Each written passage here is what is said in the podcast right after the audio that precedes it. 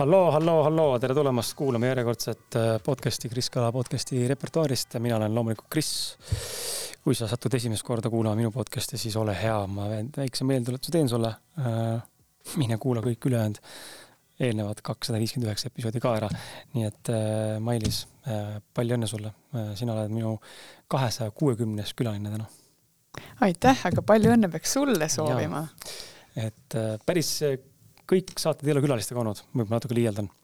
aga sa oled kindlasti, ma arvan, et külalistega saateid on peaaegu kakssada varsti juba, nii et äh, kahe, kahesaja kuuekümnes episood on käes, võib-olla kahekümne kuuekümnes külaline on vale öelda. Ähm, kui ma ennast külaliseks pean iseendaga vesteldes, siis see läheb arvesse.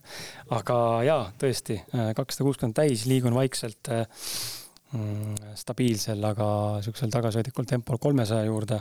ma ikka tahan selle miljon kuulamist täis saada, play nuppu, ma ei ole kaugel sellest, kuskil sihuke ma arvan, et kakssada tuhat on veel minna.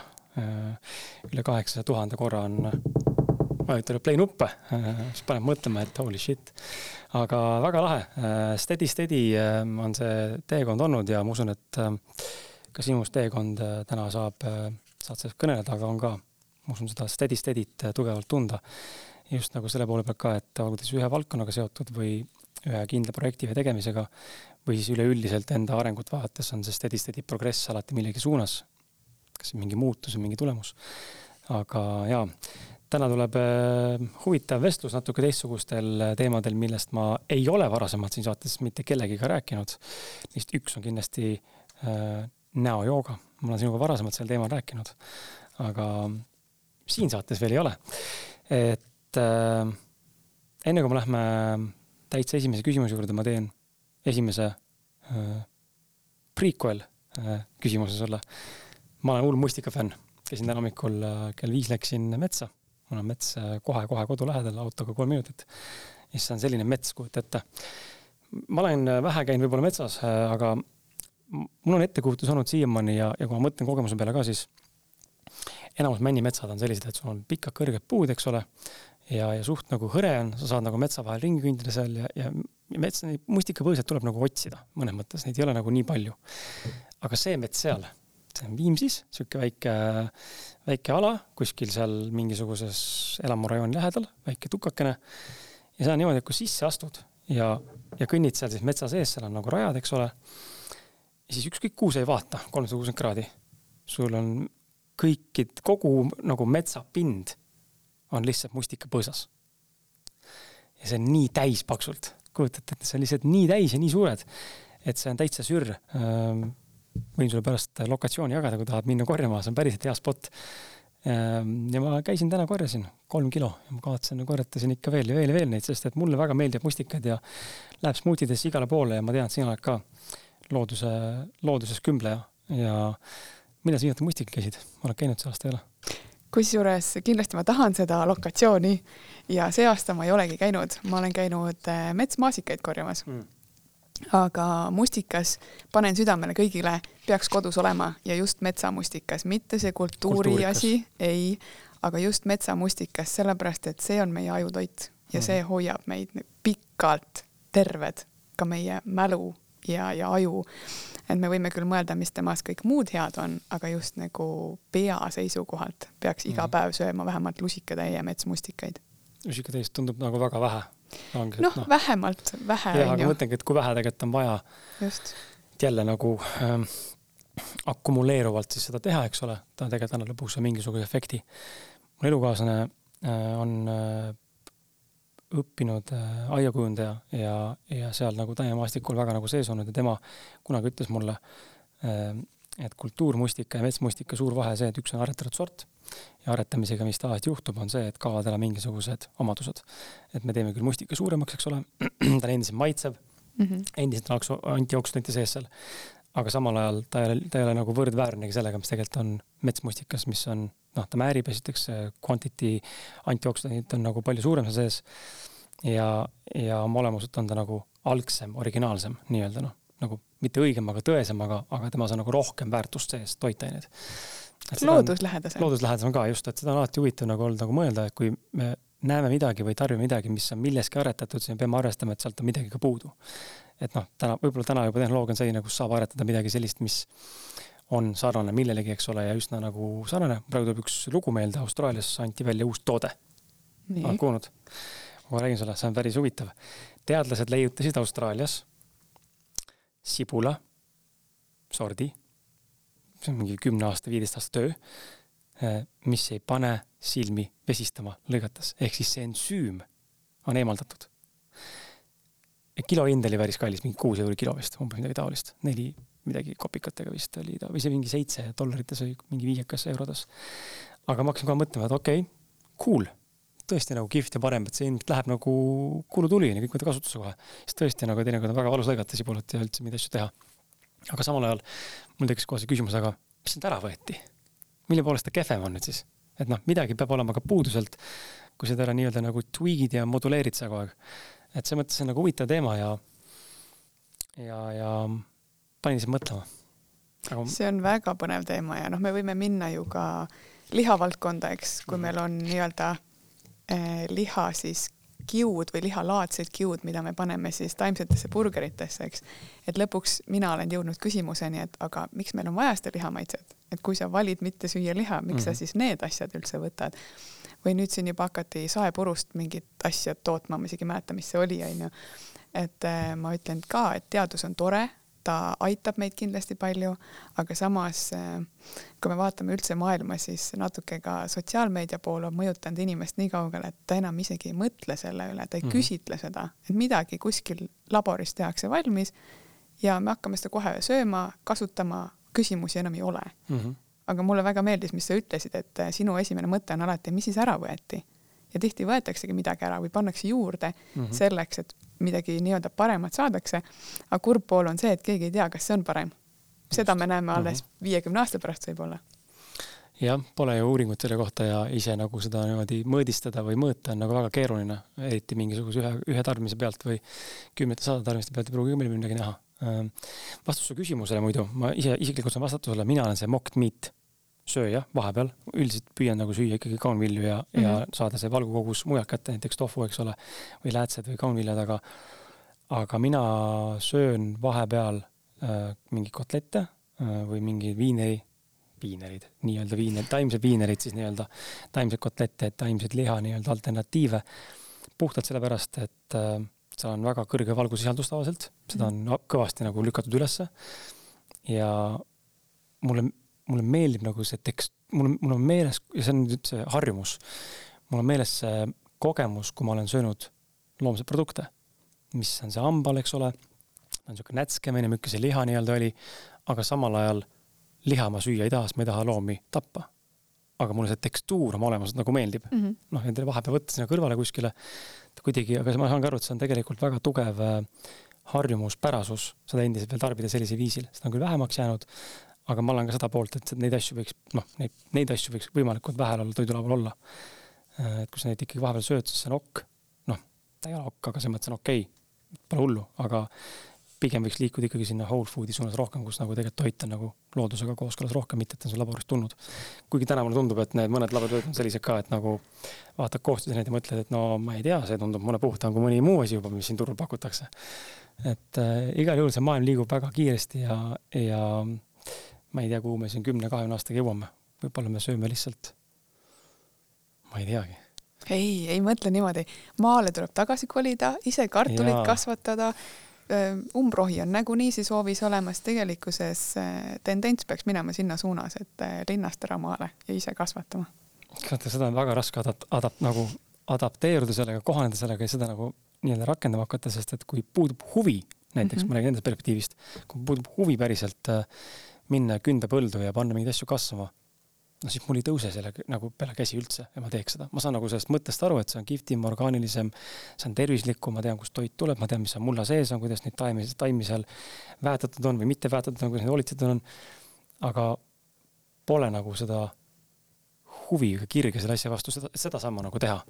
et see on väga huvitav koht, et oleks näha, näha tõesti, et, kuidas, kuidas nagu peaks toimuma meie sees see seesmine transition või muutus selles suunas, me tegelikult kõik tahaksime ühtemoodi olla tervemad, olla toituda orgaaniliselt või noh, mis iganes veel need mõõteühikud siin parasjagu on, mille pealt me vaatame, kas oleme tervislikud või mitte. no tegelikult ega nii äärmustesse ka ei pea minema, et kõik nüüd maale mm, -hmm. eks. mulle endale meeldib nii mõelda, sest mina olen äh, looduslaps mm. -hmm. aga meil on õnneks turud olemas ja turul on Eesti toodangud väga palju või, või isegi väiketalud, et kui me juba sealt võtaks oma tooraine, millest me sööki teeme, siis see on juba väga suur samm edasi, sest me teame, kust see tuleb, me teame, mis võib-olla taimekaitsevahendeid seal kasutatud on. meil on seda infot palju lihtsam saada kui sellest suvaliselt pakilt, mis võib-olla tavatoidupoes on mm. -hmm. ja sellest juba tegelikult piisab. tuleme sinu äh, taustaloo juurde natukene, enne kui ma lähen, lähme selle saate nende põhiküsimuste juurde, mida ma siin koostanud olen, aga, aga just see pool, et kas sa oled terve elu olnud äh, lapsest saati selline noh, sa ütlesidki maa, maa, maahõngu või maa, maatüdruk, eks ole, nii-öelda looduslähedane. või sul on toimunud mingisugune nihe mingist hetkest, mingist vanusest, kus sa oled hakanud aru saama, et okei okay,, siin on midagi enamat, mind tõmbab tegelikult sinnapoole, pole varem vaadanud või olen vältinud sinna vaatamist. jaga seda poolt. tead, ma olen tegelikult linnalaps, kasvanud linnas, on ju, ma olen südame. paneelmajas sündinud.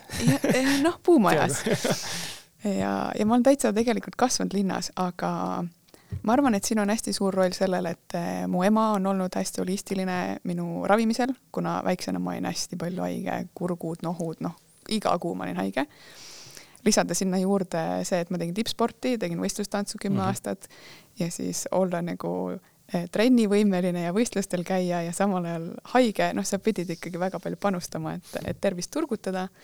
mul on olnud igasugused eh, vedelikud, millega kuristada, heeringas kaela ümber, eks noh, nimekiri on pikk, kõik, mis on võimalik ja siis, kui oli tõesti nii, et enam ei saa, siis äh, näiteks lõpuks mul lõigatigi mandlid ära, sellepärast et nad olid nii ära mädanenud, et see oli südamele koormav praegu ajas tagasi minnes ma teeks teistmoodi asju, sest see on ikkagi kõnekeskus ja seal olid muud äh, psühhosomaatilised probleemid siis, eks mm -hmm. ole, sest äh, ka eneseväljendus on seal taga kinni. aga noh, see oli parim, mis tol hetkel äh, teada oli.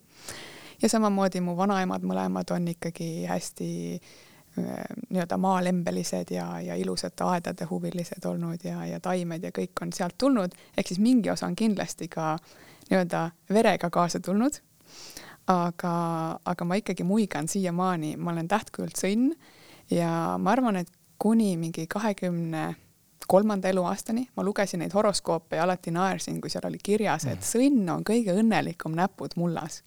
see ei kõnetanud mind üldse, ma mõtlesin, see pole võimalik mm, -hmm. elu sees mitte. Ja, ja kuna siis äh, elu vahepeal viis mind ürituste korraldusmaailma äh, Äh, töötasin Mindvalley's, korraldasin rahvusvahelisi ettevõ-, ettevõtteid, üritusi ettevõtete siis nii-öelda juhtidele mm -hmm. ja, ja nii-öelda sellistele inimestele. ja see oli hästi pingeline. ja, ja ühel hetkel lõi välja siis nii-öelda kilpnäärme ületalitus. Aga kuna inimene harjub kõigega, siis pool aastat ma lihtsalt ignoreerisin seda. mõtlesin, et ma olengi väsinud, see ongi okei okay,, kui ma ära vajun kas koosolekul või sõbraga kohvikus kuni siis ühel hetkel see juhtus autoroolis, see oli sekundi murdosa, aga see tundus hästi aeglane kõik mm. -hmm. ja siis ma sain aru, et ma pean arsti juurde minema, et see vist ei ole okei okay.. ja siis äh, see, mis järgnes seal arstikabinetis, mulle tehti vereproovid ja viie minutiga kirjutati välja hormoonid ja arst ütles elu lõpuni võtad ja siis mul oli see hetk, kus nagu su, su keha on paigal, aga sa justkui nagu tuled sinna äh, keha kohale ja vaatad seda olukorda nagu kõrvalt mm. -hmm. et kuidas see võimalik on mina, kes ma justkui olen terve, on ju, trenni teinud terve elu, söönud enam-vähem korralikult, eks. ja nüüd on nii. ja siis ma olin, ma ei tea, kakskümmend kuus, seitse, mhm. alla kolmekümne, on ju. ja, ja võttis ikka korraks jahmatuse küll, et mismoodi ma nüüd jäängi ravimite peale terveks eluks. Aga õnneks juba selleks ajaks endal oli natuke mõistust ka, et uurida, mis veel võimalik on ja, ja kuna ma ka joogamaailmas tegelikult olen olnud kauem äh,, ise teinud oma praktikaid ja siis õppinud ka joogaõpetajaks, siis kuidagi kutsusid ka taimed. mitte, et ma läheks vanaema juurde õppima mm, -hmm. vaid et tahaks rohkem aru saada. tahaks kiiremini saada, kui on raamatutes ja, ja siis ma otsisingi välja selle, et Eestis on võimalik õppida Herbaatikumi koolis ja ma tahtsin alguses ainult enda jaoks õppida. aga see kõik langes nagu kokku et oli diagnoos, siis tuli see taimekool, äh, samal ajal tuli ka meditsiinimeedium äh, minu ellu raamatute näol ja, ja tegelikkuses, kui me sukeldame natuke taimemaailma, siis need taimed, äh, mida sa kogu aeg märkad, siis neil on sulle sõnum. Kes seda usub, kes mitte, aga tegelikkuses nii on. kas siis nagu füüsilise keha jaoks või siis vaimsete mingite märkamiste jaoks. ja mina nägin igal pool vereurmarohtu, mis tundus mulle natukene naljakas, sest see on kõige suvalisem umbrohi, seda ei kasutata tee tegemiseks Eh, vanasti võib-olla, kes kuulab, teab, eh, vanaema võib-olla pani konna silma peale, selline mm. kollane vedelik on ju, hästi kiiresti võttis ära. Aga kui ma siis hakkasin rohkem taimi õppima ja hakkasin uurima, mis ta sõnum on, siis tuli välja, et ta on tegelikult looduslik jood. ja kes on kilpnäärmega kursis, siis kilpnäärme puhul üle- või alatalitused tihti tekivad sellepärast, et näiteks joodi jääb kehas väheks ja minu jaoks oli see selge, okei okay., siin ongi mu esimene nii-öelda sõnum, miks ma teda igal pool nägin, mul on vaja eh, kehale saada joodi siis looduslikult ja, ja samal ajal ma tegin ka kehapuhastust eh, sellerimahlaga umbes kolm kuud igal hommikul ja võtsin tempo maha ja tegelikult jällegi poole aastaga testid näitasid hoopis muud. ma olin mhm. terve. ehk siis, kui mulle pool aastat varem öeldi, et sa võtad eluaeg hormoone, mis rikuvad nagunii kogu immuunsüsteemi ja panevad keha tasakaalu igatpidi valesti, siis pool aastat hiljem ma sain minna arsti juurde ja öelda, et noh, aga mul ei ole neid vaja. Ja mina olin müüdud, ehk siis taimed, holistiline ravi on tegelikult tehtav, vahet ei ole, mis konditsioonist me räägime mm. küsimus on tihti usus, kas inimene ise usub ja kas tal on aega, sest mida jälle see maailm meile näitab, inimestel on kogu aeg kiire, nad tahavad homseks tulemusi, aga taimedega sa ei saa kunagi homseks tulemusi, sa pead võtma aega ja andma seda aega. ja see aja võtmine ja ja aja andmine, see on tõesti, mulle tundub ka, et äh, seda quick, quick fix soovi on nii palju ja no ma räägin enda kogemusest ka selles mõttes, et äh, ise ka mingites äh, valdkondades tunnen, et äh, kärsitus on. noh mm -hmm., ja mhm. eriti ma kujutan ette, kui see puudutab tervist, äh, mul, ma täna julgen pakkuda, et kõigil inimestel või pea kõigil inimestel on mingi tervisehäda, mis on kas siis teadaolev või varjatud kujul või on seal taga taustal vohamas. me ei pea, me ei pea rääkima siin muidugi ekstreemsustest, vähist ja kasvajast, aga midagi ka võib-olla kergema loomulist nii-öelda, aga midagi on, ma ise arvan ka, et mul on kindlasti, kuigi ma olen omast arust võrdlemisi tervislik, siis ma ei ole kindlasti igapäevaselt nüüd super pedant oma toitumisega enam. ja, ja ma olen jumala kindel, et äh, kuskilt on midagi mm, ka mul lappes ja see kilpnäärme teema on on huvitav, ma olen ka mõelnud selle peale. Äh, ma ei mäleta, mis seos see oli, aga mul on tunne, et mul võib olla ületalitus. Ma ei mäleta, miks ma, ma ei mäleta, kellele ma rääkisin sellest, äkki oli Rene Pürklandiga sellest mm, -hmm. aga ma ei mäleta, mis teema. Mul, mul oli mingi teema sellega, miks ta arvas, et mul võib olla ületalitus mm.. aga, aga see on huvitav jah, et me tahame seda quick fix'i ja, ja kui keegi pakub sulle päriselt lahendust, mis on pikaajaline, aga tulemust toov, noh, siis on see, et aga andke mulle see see kiirem tee, millel on kaasas omad äh, enam-vähem ka kahjutegurid ka, et või, või on nii-öelda siis mingisugused spekulatiivsed või võimalikud tagajärjed. just, ja tegelikult ju keha on väga tark. ja me inimestena unustame selle ära, sest just seesama äh, laborid ja, ja tehnoloogia ja kõik see, millest me ennem ka rääkisime, on rikkunud ära keha kuulamise. sest kui keha sulle karjub, et mul on nüüd kas kilpnäärme probleem, kas mingi kasvaja, kas murrad jalaluu ära, ükskõik mis see on siis on see, et sul on vaja puhata, tõmba tagasi, liiga palju asju on. Ja kui me seda ignoreerime, siis ainult hullemaks läheb. no palaviku näide on ideaalne, enamus ju võtab kohe selle joogi, mis võtab sul palaviku alla mm -hmm. ja läheb, teeb tööd edasi. aga palavik tuli sulle ütlema, et kuule, liiga palju on mm. puhka keha, natukene. keha on erroris. just jah, ma ei tea, millal viimati mina neid äh, palaviku alandajaid võtsin üldse, ma ravin ka ennast nagu sina, selles mõttes, et äh, holistiliselt ja ravin taimede ja nende õlide ja asjadega ja ja ma ei, ma olen nagu üli, üliharva haige. üliharva on haige ja kui see haigus tulebki, siis see on niisugune päev kõrge palavik võib-olla mm. -hmm. ja järgmine päev nagu normaalne. muidugi magan ka palju, lasen endal magada, puhata. aga lihtsalt huvitav näha, kuidas mõni inimene lihtsalt kogu aeg konstantselt haige, noh ja sul endal on kogemus olemas, vaata. et see on nagu selge märk sellest, et noh tuleks hakata võib-olla vaatama, miks ma tegelikult olen haige, mis seal taustal on, on ju, mis ta põhjustab. Ja minu arust huvitav on just see ka, et sa ütlesid keha kuulamine. kuidas see välja peaks nägema? kui sa suud-, kui sa peaksid nüüd nagu kuulajatele manama selle valemi või võrrandi või, või kirjelduse, kuidas enda keha kuulata, siis kuidas sa seda nagu nüüd verbaalselt sõnadega maaliksid, sest et mina saan sellest aru ja ma suudan seda teha, aga ma usun, et on hetki, kus ma ei suuda seda teha ja või, või ei saa aru, kui keha midagi tegelikult tahab.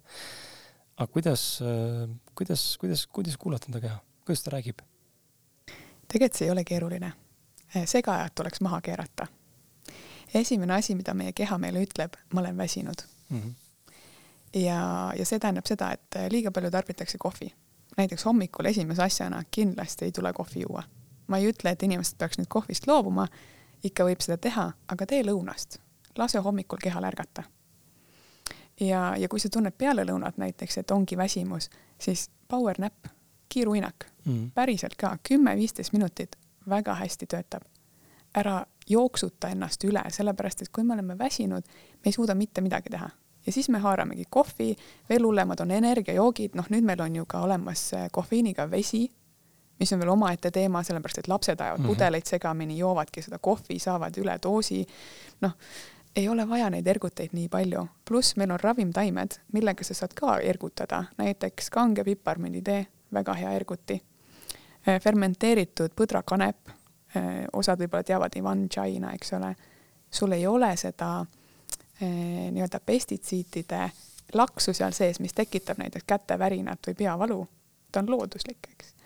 et proovida leida neid looduslikke erguteid, kui sul on vaja aga lõpuks võiks ikkagi olla see, et sa piirdud näiteks ühe tassi kohviga päevas ja see võiks olla lõunal. võtad ära selle segaja.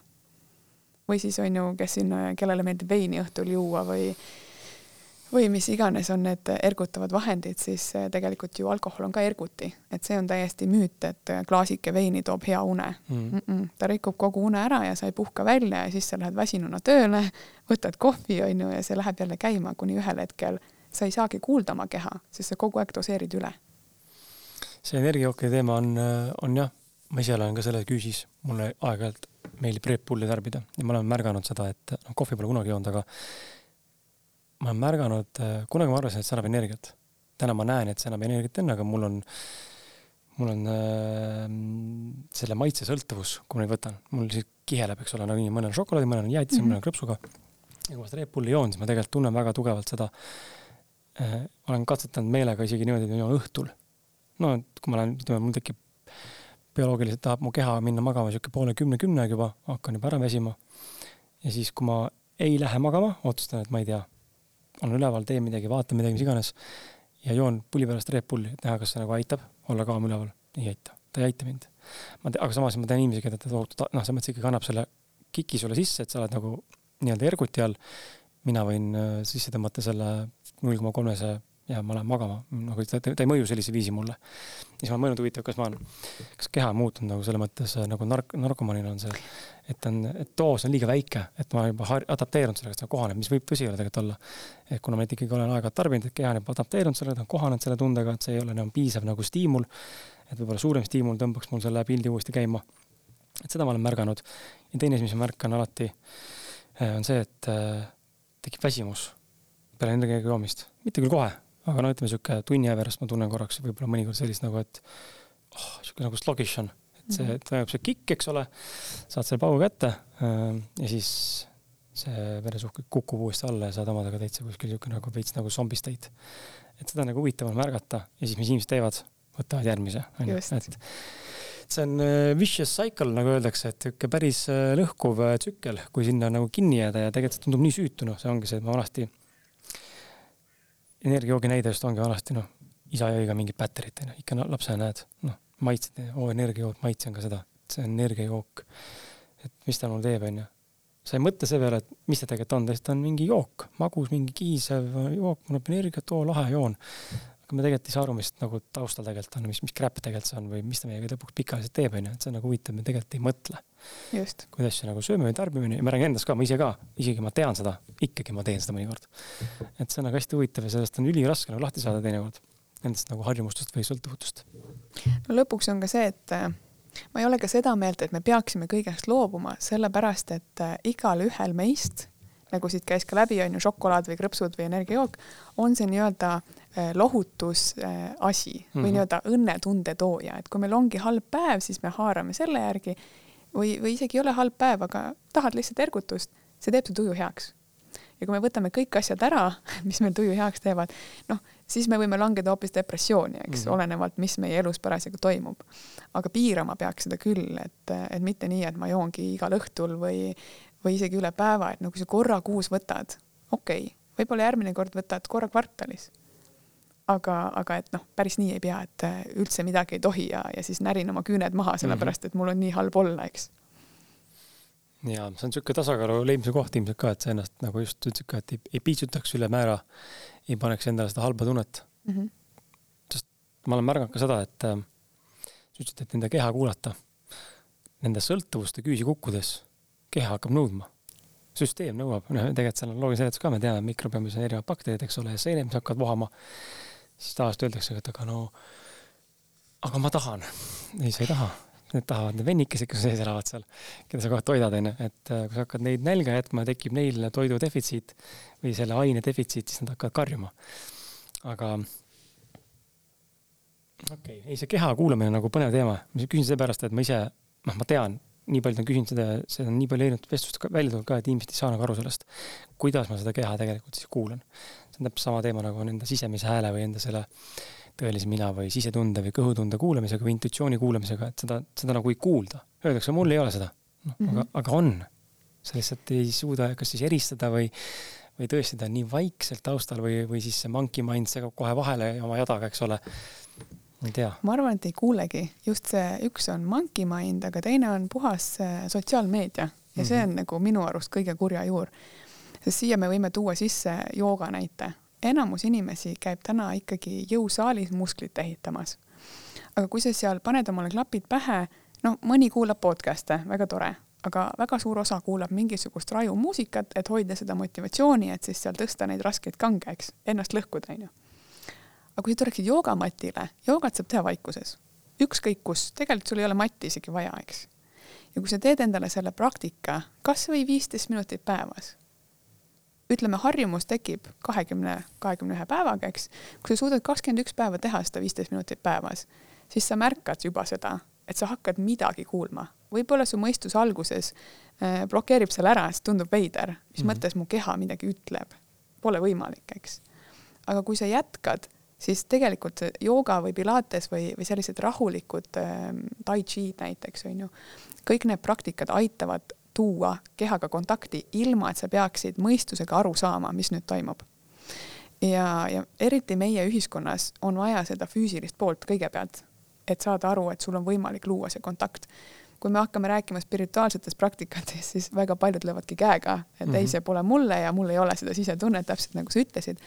Aga just need rahulikud praktikad, joogat saab teha isegi jõusaalis, alusta sealt ja sa juba näed tegelikult, et vaikselt hakkab midagi toimuma tasapisi, kohe kindlasti ei tule. aga ma olen kindel, et poole aastaga võib igaüks tunnetada, et okei okay,, tegelikult ma saangi aru, kui mu keha on väsinud või, või mu keha noh, tahabki midagi süüa, ütleme, tahaks šokolaadi. tegelikkuses, kui sa hakkad mõtlema nüüd, miks ta tahab šokolaadi, siis sa võib-olla saad aru, et veresuhkur on madal, ma pole lõunat söönud, onju. Lähed sööma hoopis, sööd mingid head juurviljavoki ära ja saad aru, et näed, polnudki vaja šokolaadi, eks. et see on samm-sammuline protsess, aga kindlasti ma julgustaks äh, ka joogat ja pilatest proovima, mitte et nüüd jõusaal jätta täitsa selja taha, lihastööd on ka vaja, aga jällegi mitte minna äärmusesse mm. -hmm. sa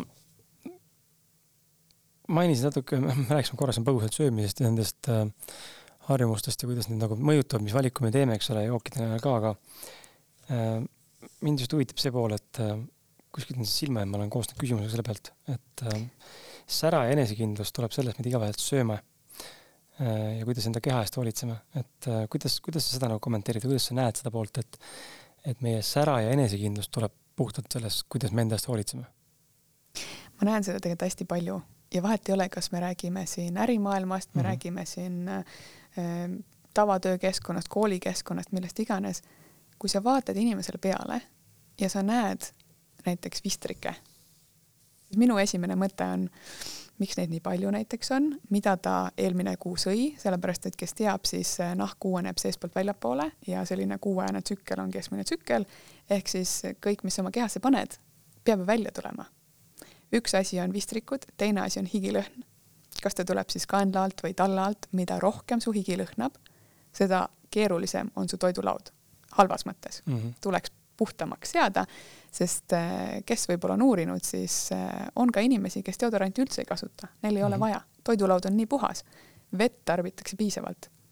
jookidest rääkisime, siis tihti juuaksegi limonaadi või energiajooki selle asemel, et juua vett.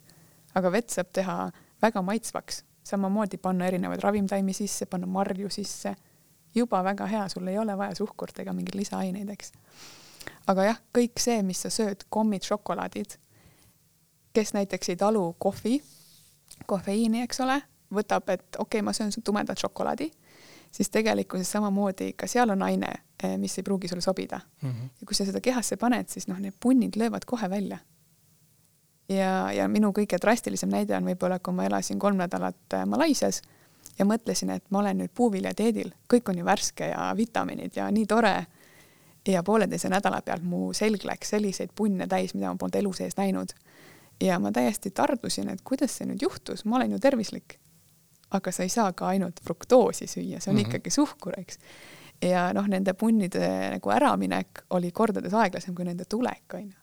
ehk siis mida puhtam on su keha, seda kiiremini igasugused jamad nahale välja löövad aga neid ei tasu ignoreerida, sest enamasti, mis tehakse, on minnakse apteeki, ostetakse mingisugune keemiline vahend, paneme peale.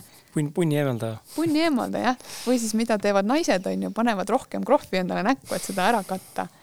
aga mulle meeldib alati vaadata neid naisi, kes tulevadki ilma meigita, mitte et see peaks kogu aeg käima ilma meigita, aga et näha, mis su nahaga tegelikult mm -hmm. toimub.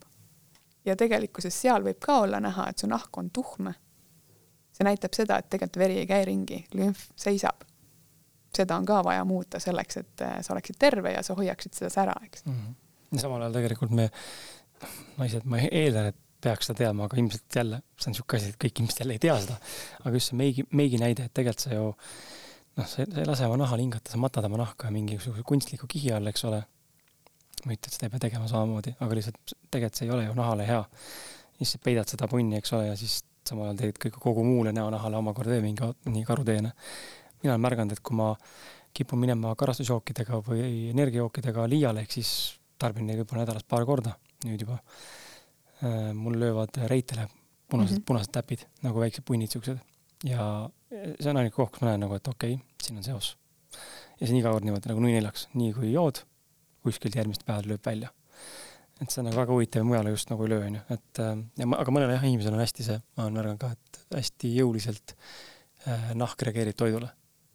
aga ja. see on koht, kus keha räägib, et tuleks reageerida just. ja hakata otsa vaatama, et okei okay,, siin on mingi seos. see ongi keha kuulamine ja tegelikkuses ka tselluliit on see, kuidas keha karjub, eks. alustame sellest, et võib-olla on liiga vähe liikumist.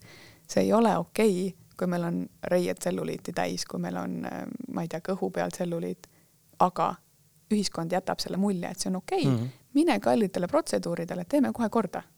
just nägin, mingi uus süst on mingi ainega, mis võtab seda, ladestab kõhurasva ja siis nagu vaatad neid postitusi ja mõtled, et okei okay,, quick fix jälle, aga kui see siis ära ladestub või lahustub, siis on ju uuesti vaja minna mm. -hmm. küsimus on ikkagi elustiilis, mida ma söön, kui palju ma liigun, mis riideid ma kannan, miks see tulemus üldse välja lõi, onju. jah kui sa peaks andma ühe või mõned nõuanded kuulajatele, kes meid praegu kuulavad siin ja just selles osas, et kuidas, kuidas jõuda lähemale näiteks või paremasse kontakti loodusega, et tekiks see huvi, noh, nagu ma rääkisin, mul ei ole huvi üldse. või noh, ma ei saa öelda, et üldse ei ole, loomulikult ma korjan, täna korjasin mustikaid ja enne kui tulime, korjasin aiast vaarikad ära, panin sügavkülma, eks ole, koos naisega, aga, aga just see, et nagu kuidas tekitada nagu see huvi endas ravimtaimede ja, ja looduse ja, ja sellise nagu rohkem nagu maaelu äh, suunas. ilma, et see oleks inimese jaoks nagu overwhelming või liiga, liiga palju korraga. aga just see, et nagu step by step, et tal tekiks huvi, ta saaks aru tegelikult, mis võlu seal taustal on. no ma arvan, et algus ikkagi tuleb toidulaualt.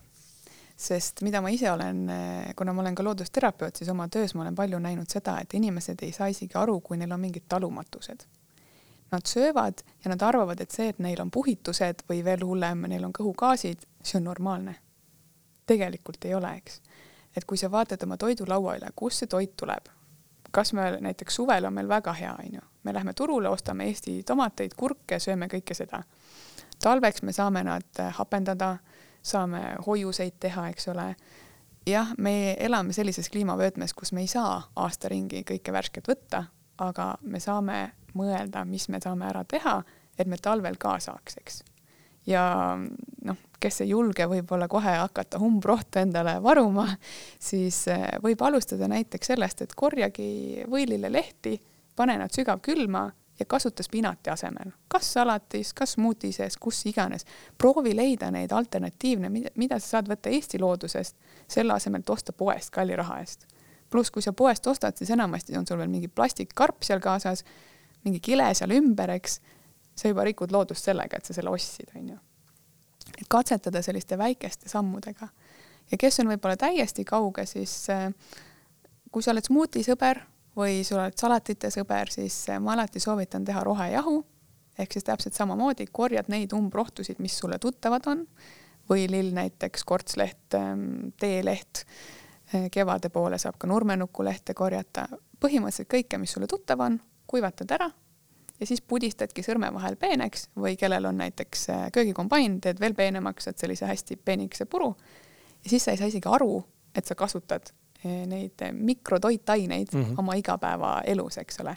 ja see maitse ka ei ole häiriv, sest ma tean, osad inimesed ei talu näiteks võililelehe maitset üldse, sest see on nii võõras neile, onju. aga kui sa teed sellise rohepulbri, selle asemel, et osta neid eksootilisi segusid kuskilt e-poodidest siis esiteks sul on see kodumaine, teiseks see on väga soodsalt saadud, sest see on võib-olla sul enda aiast või tuttava aiast ja seal on kordades rohkem vitamiine, mineraale, sest nad ei ole pidanud kuskile transpordi käigus minema, neid ei ole pidanud mingil hetkel varem ära korjama, et nad saaksid järel küpseda, igal juhul igati kasulik. aga kui sa oled võib-olla veel nagu täiesti võõras, siis alusta sellest, et sa käid korra nädalas metsas käi lihtsalt jalutamas, mine vaata, mis tunne tekib. jäta telefon koju või pane hääletu peale, ära mine klappidega metsa, kõrvaklapid võta kõrvast välja, lihtsalt kõnni ja vaata, mis muutub, sest tegelikkuses juba kakskümmend minutit looduses võtab ärevuse maha, toob mõtteselguse, teeb restardi. minu jaoks ta toimib täpselt samamoodi nagu üks selline kiiruinak mm. -hmm. ja sa tegelikult ei maga, vaid sa lihtsalt laed ja kui ka see tundub sulle võimatu, siis äh, osta endale üks suur looduspilt koju seina peale. sest sellega on ka tehtud uuringuid. ja ta ei toimi küll sada protsenti samamoodi, aga ta ikkagi rahustab sind, kui sa vaatad ka seda looduspilti või, või looduspildiga tapeeti hmm,. päris huvitav, polegi kuulnud seda, et see võib aidata. okei okay, äh,, lähme otsapidi edasi näojooga juurde. see on niisugune põnevam teema, täna muidugi oled sa juba seda siin ähm, kinnistanud juba tegelikult ju aastaid mm. -hmm. ja see ei ole enam nii uus, uus teema, aga ikkagi ta on üsna, ütleks pigem selline vähem tuntud, ähm, see vähem teadlik ollakse sellest võib-olla. Ähm, räägi, mis on näojooga ja kuidas sa selleni jõudsid? Äh, kusjuures äh, siin on täpselt sama probleem nagu kogu selle eelneva mm. jutuga. Quick fix, näojoogaga ei ole quick fix'i näojoogasse, kui sa tuled, sa hakkad harjutusi tegema, sa näed tulemusi küll, kes kiiremini, kes aeglasemalt, aga sa jäädki neid tegema, sest see on nagu keha treenimine. ehk võib-olla kõige lihtsam öelda, mis see näojooga on, siis ta ongi lihastreening sinu näole, et su nägu püsiks. sest äh, ma usun, et paljudki on kuulnud, et vanuse tõustes lihasmass väheneb, luutihedus väheneb ja kui meil ei ole lihast all, siis äh, võib-olla oled märganud vanemaid naisterahvaid, kes tõstavad käe üles ja siis siin ripub, on ju, biitsepsi asemel. täpselt sama juhtub sinu näoga. kui sul ei ole lihast, siis põsed kukuvad alla, põsed on äh, päris mitmest lihasest koosnev äh, suur ala, mis tõmbab endaga kaasa ka ülejäänud näo ja siis meil tekivadki alla vajunud huuled, äh, põsed, silmad ja me ei ole rahul endaga. aga tihti, kui see juhtub, siis me hakkame alles lahendusi otsima ehk siis minu keskmine klient on nelikümmend viis pluss. Mhm. aga ma tahaks jõuda sinna, kus, äh, kui ma olen viisteist, siis mu ema annab mulle näiteks näorulliku või näitab mingit lihtsat näomassaaži, et ma saaksin juba teada neid asju ja ennetada, sest ennetus on kõige olulisem. ja, ja kui sa küsisid, kuidas mina sinna jõudsin, siis äh, alguses ma jõudsin tänu joogale, kuna ma nägin ühte videot Youtube'is ja see tunne on mul siiamaani meeles, kus ma seda vaatasin ja sain justkui valgustatud, et aga loomulikult meie näos on lihased mm. -hmm. keegi lihtsalt ei räägi neist. aga see põhjus, miks ma seda ise hakkasin praktiseerima, on, ongi puhtalt geneetiline Eh, sest minu silmad on mitte siuksed, ma isegi ei tea, mis on eestlaslik silm, aga, aga nad on pigem sellised Hiina stiilis või Jaapani stiilis, mis tähendab seda, et ülemine laug võib alla vajuda mm. Ja kuna minu sidekude on nagunii väga pehme ja väga liikuv, ma tean, et paljud tahaks seda endale, see tähendab, et ma paindun väga hästi, siis nooruse seisukohast või nii-öelda naha hoidmise seisukohast on see väga halb, sellepärast et äh, siis ta võimaldab ka vajuda ära palju mõnusamalt ja mm. palju rohkem, eks ole ja, ja kuna sellised silmad on mitu põlvkonda meil peres olnud, siis eh, mina tahan hoiduda sellest, et ma peaks ühel hetkel minema lõikusele mm. -hmm. Sest eh, kuna mina olen tegelikult ju näojoogat õpetanud siin kolm aastat ja natuke peale, siis eh, oma ema ma kahjuks aidata ei saanud ja tema nüüd siin aasta-poolteist tagasi pidi käima lõikusel. Ja kui ma ennem tegin seda kogu liikumist nii-öelda näojooga maastikul huvi pärast ja põnevusest, siis peale seda, mis ma, kui ma kuulsin, mis ta arst ütles, siis eh, nüüd on see ka vajaduspõhine. Mm.. sest arst nimelt lõikas siis selle silma ühe osa siis nii-öelda ära, onju, mis oli sealt ära vajunud silmalaul ja ütles, et issand, et ma ei ole kelleltki nii palju sidekudet pidanud eemaldama mm.. mis ei olnud hea uudis ehk siis alati ma ütlen ka neile, kes mõtlevad näojoogat alustada ja, ja ka päriselt praktiseerida, et nad mõtleks välja, mis on nende miks mm. -hmm. sest kui sul ei ole seda miks'i, siis sa ei jaksa teha neid harjutusi. sa teed ära poolteist nädalat ilusti, aga siis on juba kõik muu tuleb vahele, mis iganes on tähtsam, ennast pannakse tahaplaanile, olgugi, et ma räägin alati, need on nii lihtsad harjutused, neid saab teha igal pool, sa ei pea selleks istuma tund aega kodus peegli ees, üldse mitte, sa õpid need harjutused ära jah, peegli ees, et sa teaksid, kuidas neid õigesti teha. Aga pärast sa võid teha neid ilma käteta, poejärjekorras, hommikul putru keetes, autoga kuskil pikka maad sõites, see on kõik võimalik. lihtsalt küsimus on tahtes ja küsimus on äh, miksis. mis on see miks, miks sa tahad ise treenida, onju. ja tulemused tegelikult ei lase ennast kaua oodata. jällegi muidugi oleneb geneetikast ka ja, ja alati ma ütlen, et kolm kuni neli kuud võiks teha neid harjutusi umbes kümme minutit päevas. aga see võib ka minna nii, et sa näed nädal aega juba tulemust. võib ka minna nii, et sa näed kuue kuuga, eks mm. -hmm. et see oleneb täiesti inimesest, aga alati on parem öelda pikem aeg, sest siis on see positiivne üllatus meeletult palju suurem, kui sa järsku märkad, et vau, mu näiteks kurjuse korts on nädala ajaga poole heledam, mis tähendab, et kortsupõhi on tõusnud ja midagi ma teen õigesti, eks. Ja esimesed tulemused tegelikult ongi kurjuse kortsuga, sest see on ka see korts, mis tuleb võrdlemisi noorelt inimestele. Äh, me kanname nii palju stressi endaga kaasas ja, ja meil on ka istuv töö, mis hästi palju sellesse panustab, sest kui me vaatame anatoomiat, siis äh, meie õlavööde on ju seotud äh, kaela ja pealihastega, ehk siis kui sul on õlavööde pinges, siis sa panustad ka sellesse, et su kurjuse korts ongi tumedam ja sügavam, eks. see ei ole see, millest sa räägid, ju? siin silma, kahe silma vahel tekkiv nagu lohk jah, sellest räägingi just. okei okay,, sa ei meenunud otmikku seda siin? ei, siin. just, see, see. aga see tuleb siis ka, kui sa näiteks kissitad ju päiksesse vaatad ja või on raske nagu vaadata valguse poole ka. ma olen märganud, mul on läinud see sügavamaks äh, viimase mingi pooleteise aastaga. varem ma ei märganud seda. Äh, nüüd ma näen isegi, kui ma olen nagu täitsa, täitsa neutraalses tujus, siis ta, vaatan ikka, et kurat, ikka on nagu, see, see on sisse jäänud mm. -hmm. kas seda saab ära võtta sina jooga või? Eh, teda saab õrnemaks teha mm., ära võtta me kortse päris ei saa, sellepärast et nad on ikkagi tekkinud, on ju, mingite harjumuste mm -hmm. tulemusena. aga see on väga hea, et sa selle välja tõid, sest eh, ainult harjutustega ei saa me muuta. me saame teha harjutusi, et eh, lihast tugevamaks teha, me saame teha harjutusi, et pingeid vabastada, sest näos meil on ületöötavad lihased ja on ludrid lihased, on ju, kes ei tee midagi mm, -hmm. siis mõlemal on vaja tööd, aga suur osa on ka siin tegelikult harjumustel ja just see kissitamine on üks osa, päikeseprillid peaks alati ees olema, et meil tekiks seda kissitamist. kuigi, kui sa õpid näojoogas harjutused ära, siis sa ühel hetkel võid suuta nii, et sa ei kasutagi oma otsmikku, vaid sa kissitad ainult silmadega mm.. aga see on juba natukene eh, kõrgem pilotaaž nii-öelda ja, ja vajab rohkem tööd. Äh, aga harjumused on kindlasti suur roll, eh, näiteks eh, magamine, kui sa magad kõhuli nägu padjas seitse tundi päevas, siis ei tasu oodata, et sul ei ole üks näopool madalamal kui teine ja, ja mm. sügavamad näiteks nasolabiaalsed jooned.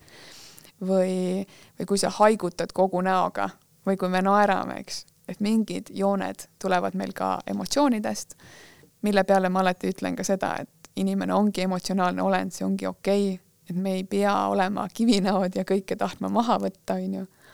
aga, aga kuidagi jälle see ühiskond ja see meedia rõhub sinna, et see ideaal, mis tehakse, on ju, ajakirjades, Instagramis, on ilma ühegi kortsuta, kuigi tegelikult on need ju filtrid ja, ja Photoshopi töötlus, siis äh, ajud inimestel on juba nii ära programmeeritud, et äh, need, kes on noorte mõjuisikud, teevad ju Instagramis äh, reels'e sellest, kuidas nad käivad lõikustel, täitesüstidel, niitidega nägu tõstmast, kiidavad, kui lihtne see on, kui odav see on, kui mõnus, üldse ei ole mingit probleemi ja siis ma vaatan neid ja mõtlen, et nagu kuidas me jõuame sinna, et me saame sellele piduri peale panna. jah, ma ei tea vastust. ma arvan, et sellele ei saa pidurit peale panna. sest mulle tundub, et äh, no kuna seda infot nii palju, meie oleme selle ajastu ja ütleme, generatsiooni inimesed, kellel ei olnud nooruses neid vidinaid mm. -hmm. et see tuli võrdlemisi hilja meie ellu mm,. siis täna ju lapsed on nelja-viie-kuueaastased, kes juba on isiklike nutitelefonitega ja. ja vahivad seal mingeid TikTok videosid ja teevad midagi järgi, eks ole, et see influence on, mõjutus on tõesti suur. mõjutus on suur ja, ja kohati nagu tundub, et äh, kui sa jätad, noh, seal on see sotsiaalne survestatus tuleb ka juurde, onju, kui laps on ikkagi, sul käib koolis, onju, oletame, minu laps täna veel ei käi, aga ma saan sellest aru, mis tunne see võib olla, et laps käib koolis, kõikidel teistel on telefonid, sul ei ole onju, laps sinu lapsel ei ole siis. no loomulikult see on surve, seal hakatakse võib-olla narrima, mõnitama, eks ole, onju. ma ei tea, nimetama mingite siltidega. ja, ja loomulikult laps lõpuks tahab seda saada, et ähm, ja siis, siis ta on avatud sellele infoväljale, onju.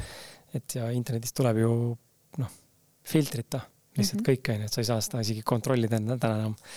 et minu arust kõige paremad näited on need, kuidas äh, piisab ainult, äh, teinekord isegi piisab rääkimisest, lihtsalt omavahel siin rääkimisest ma avan telefoni ja mul visati siia sisse ääde yeah..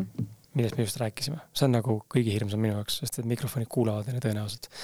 aga kõige lihtsam, labasem on see, et sa paned kuskile otsingumootorisse mingisuguse sõna ja, ja tegelikult piisab ainult ühest äh, konkreetsest asjast äh, midagi otsida, kas Youtube'ist või Google'ist ja sul hakkab viskama selle teemalisi asju lihtsalt täitsa lambist üles. ja siis sa oled info väljas et äh, aga nii on, siin on jälle see koht, et mis ma siin ikka kirun, see tuleb adapteeruda ja, ja tuleb siis ise, ma ei tea, pead hakkama siis näojooga Youtube'i tegema, et äh, inimestele toota juurde sisu, mis siis jõuaks noorteni, mis aitab neid.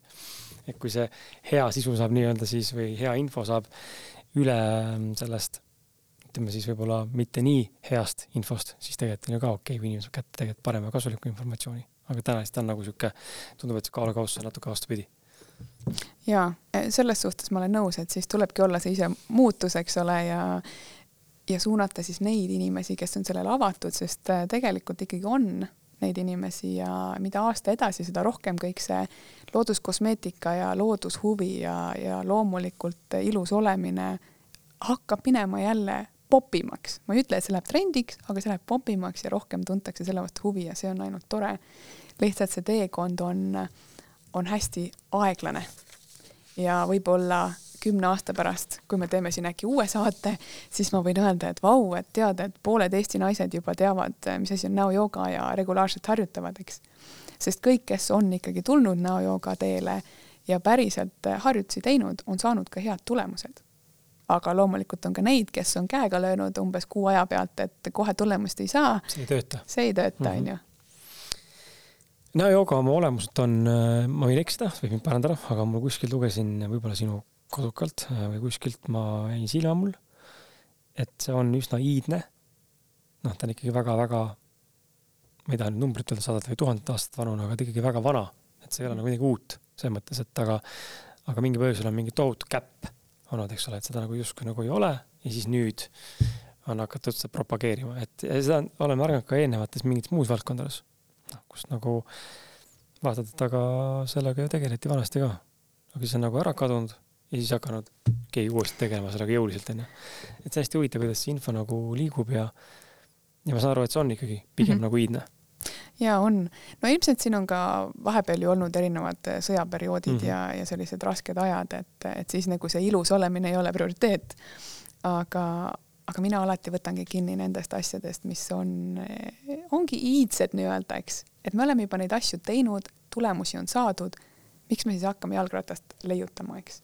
Sama on ju näiteks näorullik on üks mu lemmikvahendeid, mis ka kurjuse kortsule on ideaalne, sest seal on vaja pinget vähendada ja kui me. siis rull, rullid seda otsmikku nii-öelda siit. just, rullid mm, -hmm. rullid otsmikku. aga kui me vaatame, mis turul müügil on, siis äh, on äh, juba ka mootoriga, on äh, nagadega, sul on igasugu võimalusi, kuidas siis seda rullikut soetada, mis hinnaklassis ja, ja mis feature itega mhm. nii-öelda mm. -hmm. Aga see põhi on ju ikkagi pärit neljandast sajandist ja siis võis kasutada ainult Hiina eliit seda. ehk siis miks me hakkame seda edasi arendama kui tegelikult on ju toiminud ja väga mm -hmm. hästi toiminud, eks. et selles mõttes ähm, muidugi on tore, et jälle tehnoloogia areneb ja meil on erinevaid võimalusi, aga siis me võime jälle kaotada ära selle, mis see algne mõte oli, on ju, et ta on raske, ta on külm, ta paneb su verevarustuse tööle, ta paneb sul infüsüsteemi tööle sul võib-olla ei ole vaja, et mootor seda teeb, eks, sul on vaja seda, et su käsi ise seda teeb. lihtsam on ju, kui mootor teeb, onju, ma pean liigutama ennast. aga kui su käsi seda teeb, siis sul on jälle ajule gümnastika, onju, mhm. vahetad vahepeal kätt, koordinatsioon ka. et just seesama, see lihtsus mind tõesti juba nagu trigerdab. et inimesed tahavad seda lihtsust. isegi kui ma räägin näojoogast, sest äh, ma olen ise hästi põhjalik inimene ja ma olengi elukestev õppija, kogu aeg õpin juurde ja see on nii põnev, kuidas inimene toimib ja, ja kuidas me anatoomiliselt töötame ja siis hästi tihti mulle öeldakse, et ei, et mul ei ole seda teooriat vaja, et näita lihtsalt harjutused ette mm. -hmm. siis ma jälle hingan ja mõtlen, et okei okay,, ma võin sulle näidata neid harjutusi, aga kui sa päriselt aru ei saa, miks sa midagi teed, siis on jälle see koht, kus sa ühel hetkel lööd käega, sellepärast et see läks mõttetuks mm. -hmm. ja ma olen nõus, ma olen siin äh, kõige parema kogemuse nüüd siin viimase mingisugune kahe aastaga saanud läbi ettevõtluse, äh, kus ma olen näinud siis seda, et kui ma midagi teen ja ma aru ei saa, mida ma seal teen, ma pean silmas just siis nagu mitte ainult raamatupidamist, aga just sellist paberimajandust ja, ja ütleme, arvutitööd, mitte siis füüsiliselt kuskil minekut. et kui ma ei saa aru, miks ma midagi teen, noh, siis ma võin ta ära teha, aga ta lihtsalt oli nagu robotlik nagu tegemine. aga kui ma saan aru, miks asi niimoodi töötab ja miks ma niimoodi teen, siis on seda palju lihtsam omistada, seal tekib äh, sihuke teistsugune nagu huvi või, või uus, uus huvi tärkamine, et aa, aa, päris põnev, kuule, nüüd ma saan aru. ja ta läheb mingid pusetükid uuesti kokku, siis sa hakkad aru saama palju laiemast pildist, onju, et ma olen selles mõttes sinuga nõus, et kui sa ei saa aru, miks sa midagi teed, siis, siis praktikast ei pruugi alati kasu olla. et ikkagi tuleb aru saada ka, mis, mida teeb miks. tee, oskad sa äkki verbaalselt ette anda üks-kaks harjutust, mida inimene saaks nüüd kohe meiega koos või kodus hakata kasutama igapäevaselt näiteks? suudad sa kirjeldada mõnda? no ma arvan, et äh, kõige lihtsam on võib-olla, kuidas põski tõsta ja võib-olla keegi on seda juba lapsena teinud ka. ehk siis äh, see on kalanägu, sa tõmbad põsed sisse mm. -hmm. Mm -hmm. ja siis sa naeratad oh, ehk siis see on nagu hästi mikroliikumine su põskedes, põsk peab liikuma üles, peegli ees on seda hea teha, see ei pruugi kohe alguses välja tulla. no naerata, ma hammustan põske ju. no tegelikult ei hammusta. Te olete nagu mööda hambaid, ma tunnen, kuidas ta liigub mm. -hmm no see, seda peabki katsetama, et ei hammustaks põske, sest tihti me tahame olla hästi püüdlikud ja siis juhtubki, et me hammustamegi põske. hästi ettevaatlikult kõigepealt tõmbad põsed sisse, võib-olla alustuseks hoiadki lihtsalt seda põset tõmbad sisse kolm sekundit ja lõdvestad ja siis võib-olla paari päeva pärast sa proovid seda naeratust ka. aga siin on nüüd hästi oluline mõelda ka sellele, et su otsmik jääb vabaks, otsmik ei tohi kaasa tulla. sest äh, töötõuades ma näen väga tihti seda, kui peeglit ei ole, siis kõik tõmbavad kohe, tõmbavad on ju otsmiku töösse, sellepärast et pingutame, on ju. et näojoogas äh, tegelikult, mis on võib-olla esimene asi, mis sa õpid, ongi eristama oma näolihaseid, et sa ei pea kõiki korraga kasutama mis on alguses ka võõras, sellepärast et eh, me ei mõtle sellele, kuidas meie miimika on mm. -hmm. ja minu kõige raskem koht on alati olnud otsaesine, sest eh, kakskümmend viis esimest eluaastat ma alati liigutasin seda metsikult ja kui ema ütles ära tee, sa teed kortse, siis ma tegin topelt, sellepärast et mida tema ka teab. ja nüüd ma näen väga suurt vaeva, et seda paigale saada mm.. päris huvitav jah. Ehk siis selle kala mm, näo tegemisega, siis eesmärk on, et hambad stimuleeriks, noh, tegelikult stimuleerivad, see põse sisemine, noh, suu osa läheb ju rullib nagu hammastest ennast üle või nagu mööda mm. -hmm. hammastest ta läheb mööda jah ja. näojooga puhul hästi tihti ongi vastandsurve, mis siin seda tööd teeb, et meil ei ole neid raskuseid nagu jõusaalis on hantlid mm, -hmm. et pigem ongi kas siis hambad või keel või sõrmed, mis siis aitavad kaasa, et see lihas siis saaks nagu lisakoormust, onju aga tuleb jah ettevaatlik olla selle kalanäoga, et sa omal põske ei hammusta, sest eh, siis sa ei taha üldse harjutusi teha ja, ja siis sulle ei meeldi üldse näojooga. siis saab keegi kirjutada sulle, et see ei tööta, ma hammustasin põske just. okei okay, äh,. kuidas äh, kui inimene mõtleb nüüd selle peale, et okei okay,, aga ma teen juba kõiki asju, ma niisutan ennast siin ja kasutan mingeid kreeme ja, ja käin siin äh,, ma ei tea äh,, selles kosmeetikus, kus mul selle mingi spets lusikaga võetakse neid poore välja, onju, ja ja, ja teen siin võib-olla mingit äh, auruvanni enda näole ja, ja nii edasi, et kas siis on mul ikkagi näojoogat vaja, et äh, kas ta on, äh, ehk kui palju ta nagu täiustab siis või, või toetab, kui inimene tegelikult juba niigi tegeleb mingisuguste võimalike alternatiivsete või, või sarnaste asjadega küll läbi kosmeetikatoodete, eks ole, siis on ju mingi maskid, asjad.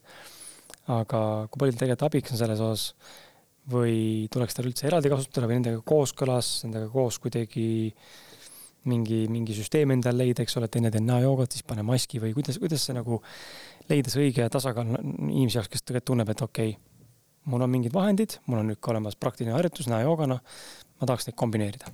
ja kas mul üldse on mõtet kombineerida, äkki need on nagu counterintuitive ehk siis tegelikult hakkavad üksteist nagu mõjutama? ei, kindlasti on mõtet kombineerida, aga selle ma nüüd lükkan kohe ümber, et eh, ka mina olen kuulnud seda ütlust, et mul pole mõtet harjutusi teha, ma käin korra kuus kosmeetikus korra kuus ei päästa sind mitte mingit pidi, see on tore, aga siis sa peaksid käima iga nädal või üle päeva, eks, et saada seda mõnusat äh, nahasära. aga isegi kui me käime kosmeetikus, siis äh, siit jääb puudu lihastreening. kõik, mis kosmeetikus tehakse, on ikkagi lõdvestamine. me võtame pinget maha, me teeme massaaži, me aktiveerime lümfi, me aktiveerime verevarustuse liikumise, noh, poorid pigistame ka tühjaks, aga seal ei ole lihastööga mitte mingit äh, seost. isegi kui sa teed kodus maske või koorid oma nahka, siis ähm, see on hea, see aitab välisele nahasärale kaasa, aga ta ei treeni lihastoonust. nii et kindlasti peaks olema siis kas sul hommikul või õhtul või lõunapausil, kus sul iganes sobilik on, mõned harjutused kui sa tahad kombineerida, siis harjutused võiks olla alati ennem, sellepärast et sa aktiveerid äh, vereliikumist, sa võid minna näost punaseks, see on täiesti okei okay. ja sinna peale võiksid siis panna oma näomaski näiteks või teha näorullikuga, sest kui sul on äh, külm kivi, siis see jällegi jahutab mm, -hmm. on selline mõnus äh, spa kodus.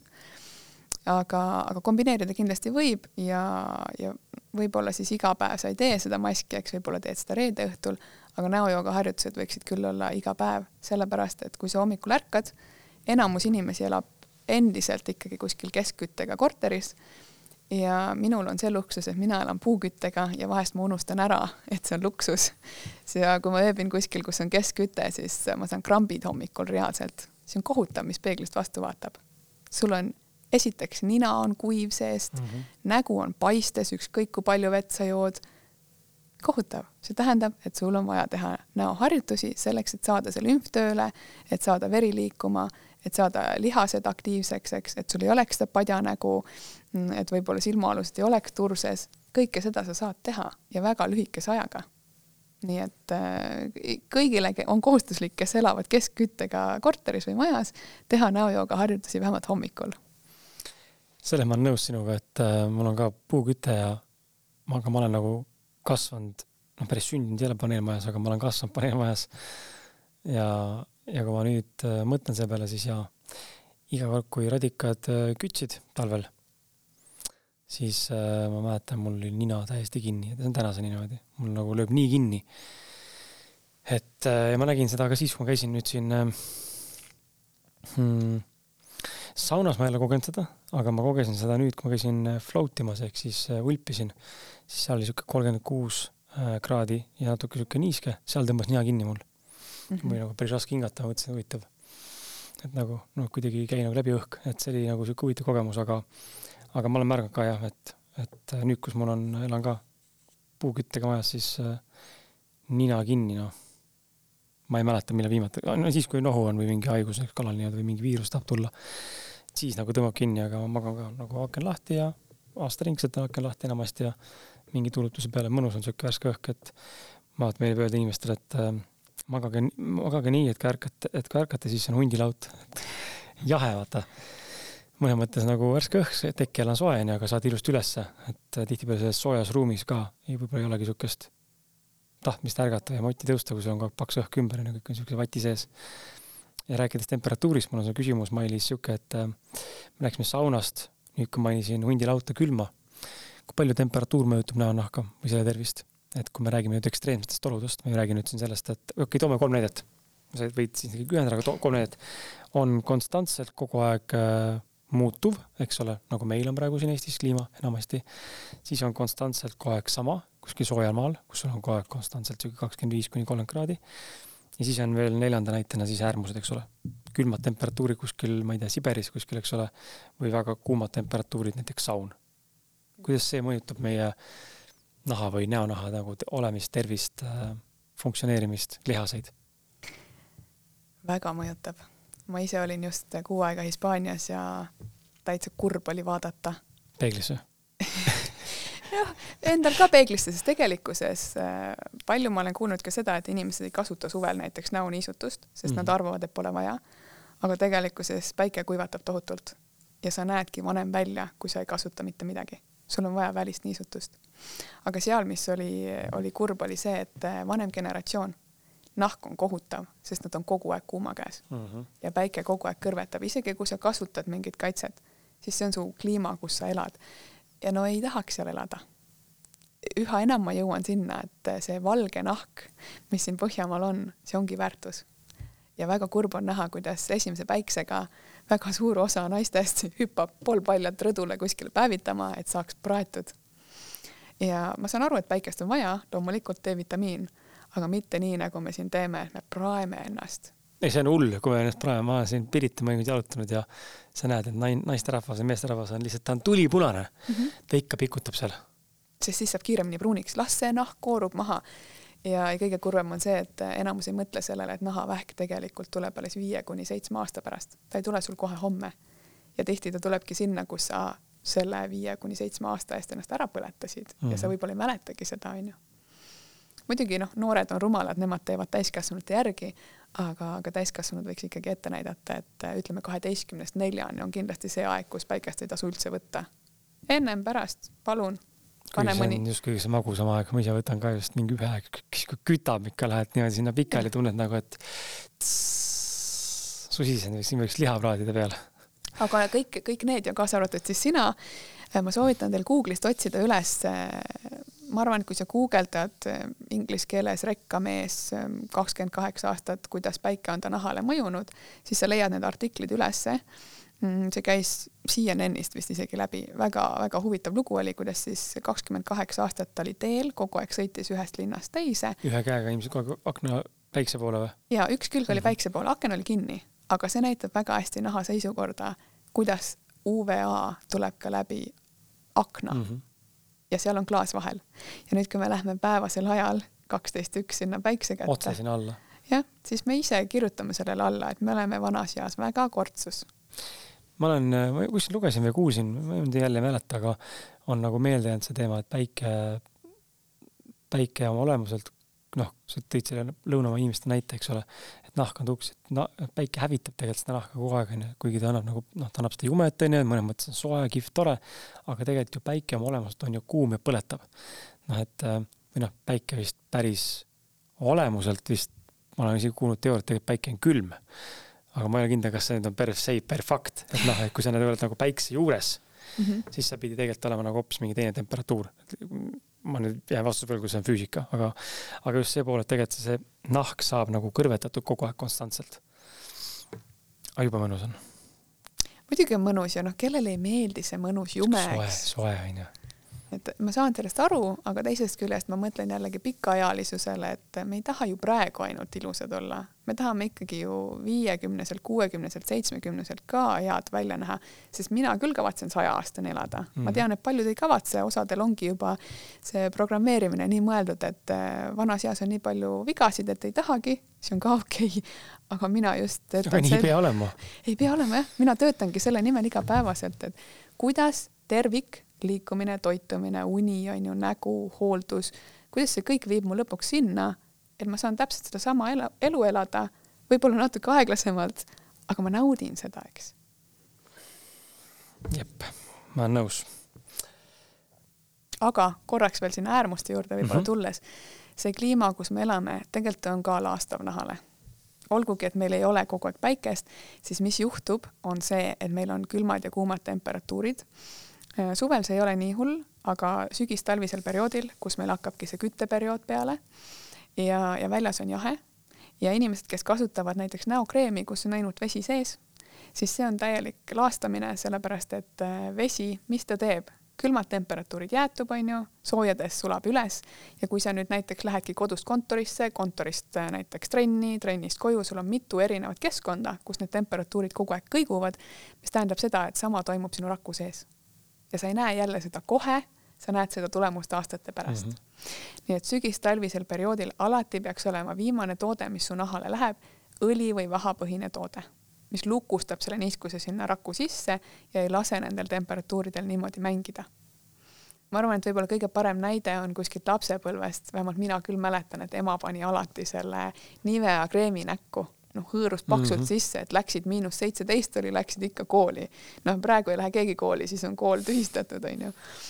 aga tunne oli okei okay., nina ei kukkunud küljest ära, eks. muidugi ma ei tea, mis seal kõik veel sees oli, aga just see, et see on rasvane, noh, kui me räägime siin äh, põhjapoolustest, siis seal ju pannakse hülgerasva otse näkku, et võtta seda külma kahjustust ära et siin on ikkagi oma tõepõhi all, et rasv ja õli sinna kõige peale, alla sa võid muidugi panna vee baasil tooteid, aga ära jäta ainult seda vee baasil kreemi näkku. ja kätel on ju, need on need kohad, mis kogu aeg on külmale ka kättesaadavad. aga saun ja, ja aurusaunad või?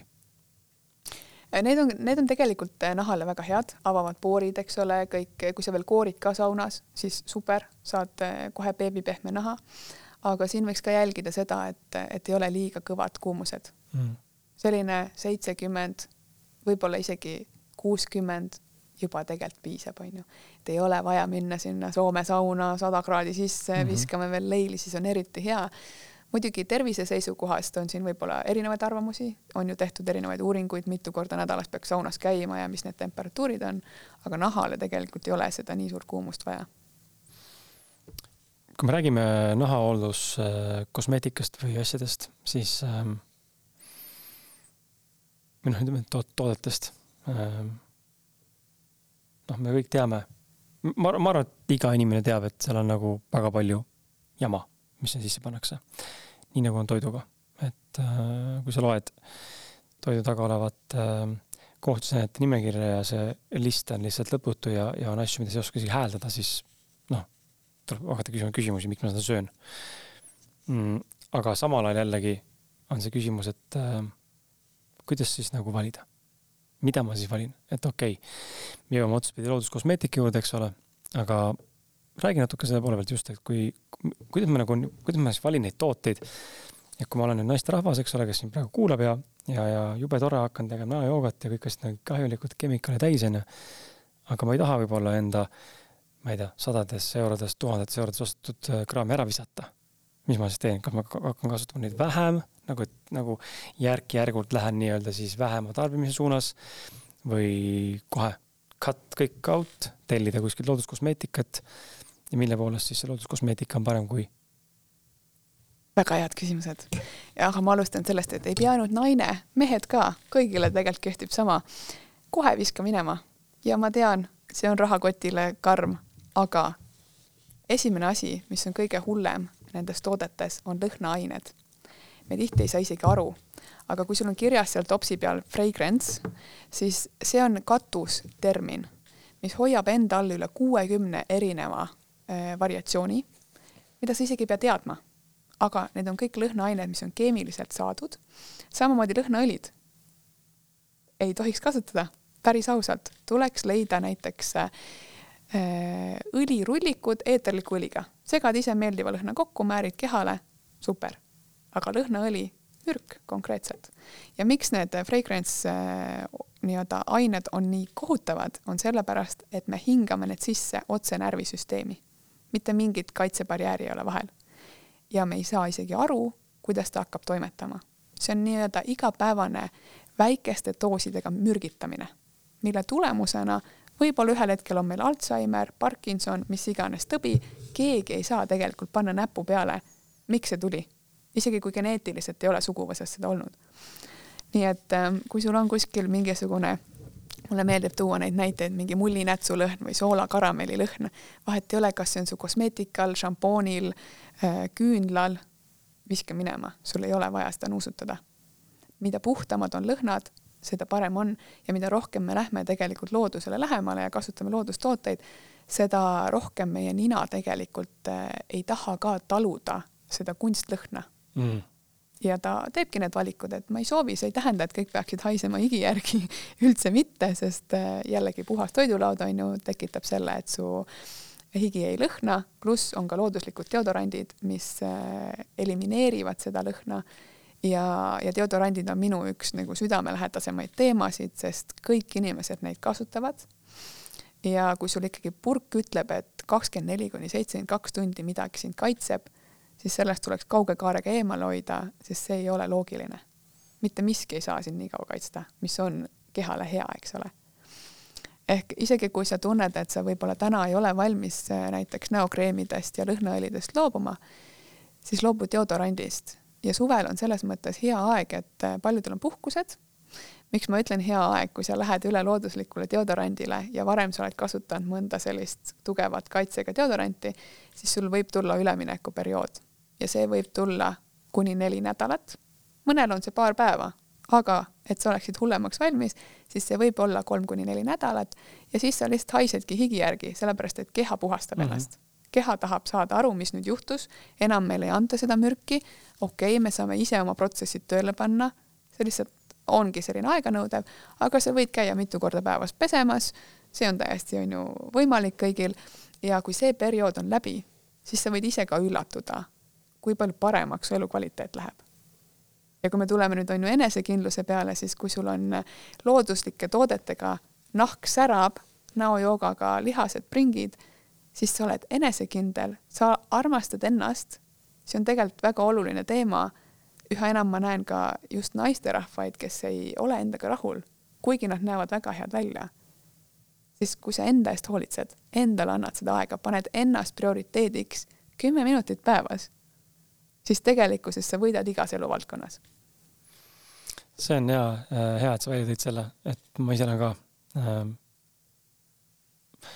mul on higipulk, mida ma kasutan võib-olla hädajuhtudel, ma olen mõnikord kasutanud seda, seisab lihtsalt põhimõtteliselt. aga ma tahan, tegelikult tahaks sedagi välja vahetada, mul on mõningad brändid isegi neid välismaal, mis tegelevad sellega, et ongi mingisugused, no ongi looduslikumad nii-öelda mingid mm. pulgad, eks ole.